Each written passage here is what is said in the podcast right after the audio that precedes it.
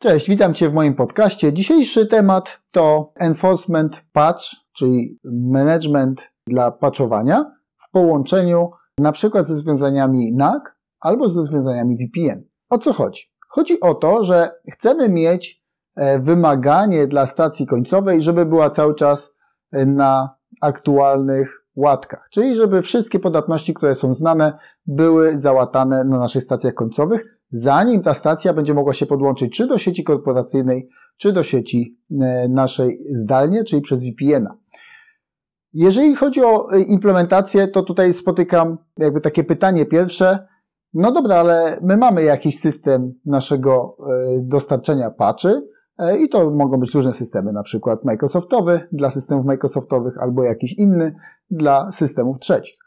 Bo tu też warto mieć na uwadze, że najczęściej dziurą, jeżeli chodzi o podatności, nie jest e, sam system operacyjny, bo on jest pierwszym jakby takim krokiem, o którym wszyscy myślą, jeżeli mówią o paczowaniu, ale jest najczęściej dużo bardziej wymagającym tematem łatanie aplikacji trzecich, bo tych aplikacji może być mnóstwo, one mogą być w różnych zestawieniach u różnych klientów, i jak nad tym wszystkim panować i jak to aktualizować. To jest jakby ciekawe zagadnienie, ale zupełnie osobne od dzisiejszego odcinka. Dzisiaj chciałem powiedzieć o możliwości kontekście koncepcji Zero Trust Network Access, sprawdzania tego, czy nasza polityka dotycząca patchowania jest zgodna, zanim podłączymy dane urządzenie. Czyli jeżeli chodzi o ZTNA, najpierw sprawdzamy, czy użytkownik ma uprawnienia, czy jego stacja się nadaje i łączymy go tylko z aplikacjami, do których powinien mieć dostęp. To są trzy najważniejsze rzeczy, jeżeli chodzi o koncepcję Zero Trust Network Access. I teraz to patchowanie jest jednym z elementów. Elementem, który jest związany z kontekstem stacji.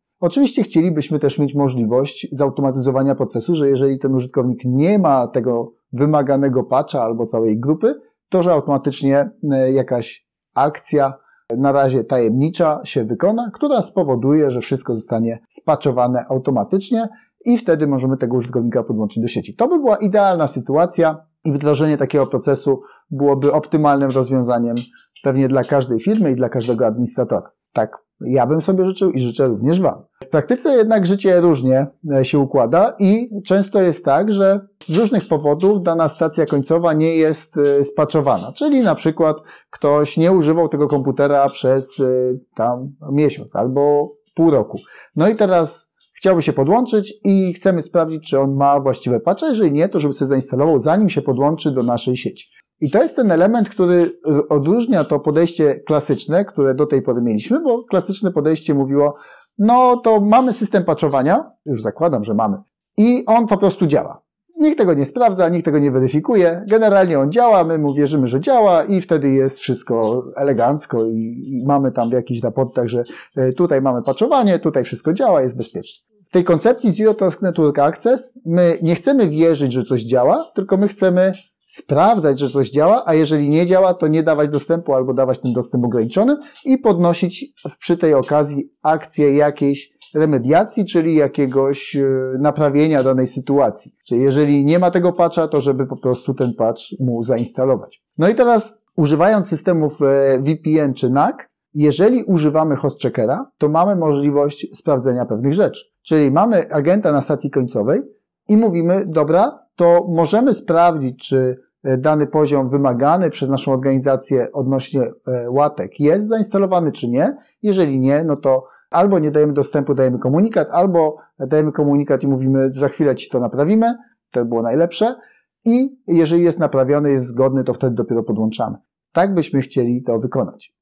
Nie jest to oczywiście proste, e, no bo musimy wyruszyć od punktu, gdzie jesteśmy. Czyli po pierwsze, czy mamy system patchowania? Czy mamy system, który mamy wymuszanie, czyli VPN-a albo NACA. Jeżeli mamy, to czy my to sprawdzamy? Jeżeli sprawdzamy, no to co zrobimy w momencie, kiedy wykryjemy, że nie ma tego patcha i nie możemy niestety tej stacji podłączyć, albo przynajmniej nie możemy z pełnym profilem podłączyć. Czy to ma być proces manualny, czy to ma być proces automatyczny? Oczywiście te, ta gama pytań się pojawia naturalnie, natomiast jeżeli jesteśmy w stanie odpowiedzieć na te pytania w naszej konkretnej organizacji, jak możemy to zrobić automatycznie, no to to jest na pewno e, kierunek, który każdy by sobie życzył, no bo każdy z nas ma dużo pracy, a nie potrzebuje dodatkowych zajęć. Z drugiej strony chciałbym ten poziom bezpieczeństwa dla organizacji dostarczyć wyższy. E, no bo wiadomo, e, że to jest w ogóle taki kierunek, niełatania różnego oprogramowania najbardziej ryzykowne.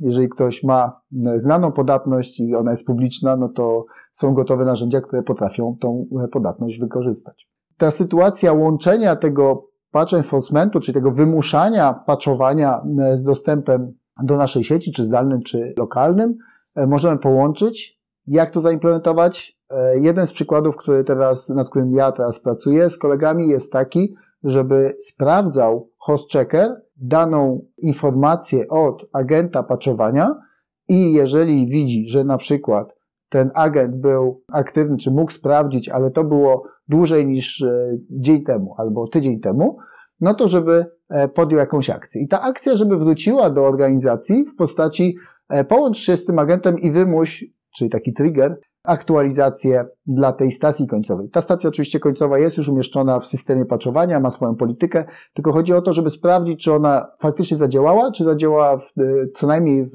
terminie, który my oczekujemy, a jeżeli nie, to żeby z punktu widzenia VPN-a albo NACA wymusić tą aktualizację. Jest taka opcja, żeby to patchowanie wykonywać zarówno w formie podłączenia użytkownika w sieci korporacyjnej w jakimś ograniczonym profilu, albo e, w sieci publicznej, czyli przez internet też jest taka możliwość, w zależności od systemu oczywiście patchowania, ale jest taka możliwość, żeby wymusić tą akcję, dobrze, to teraz zapaczuj tego konkretnego endpointa. Dlatego, że chcielibyśmy mieć aktualną informację, że on został zgodnie z polityką obsłużony i wtedy możemy go e, właściwie podłączyć do naszej sieci, niezależnie czy zdalnie, czy lokalnie. Takie to są e, zagadnienia z ZTNA i patch managementu. Jeżeli to Cię interesuje, to oczywiście pisz w komentarzu. Jeżeli jakieś inne tematy, to oczywiście również jestem otwarty na wszelkie sugestie. Dziękuję za uwagę i do zobaczenia już za tydzień.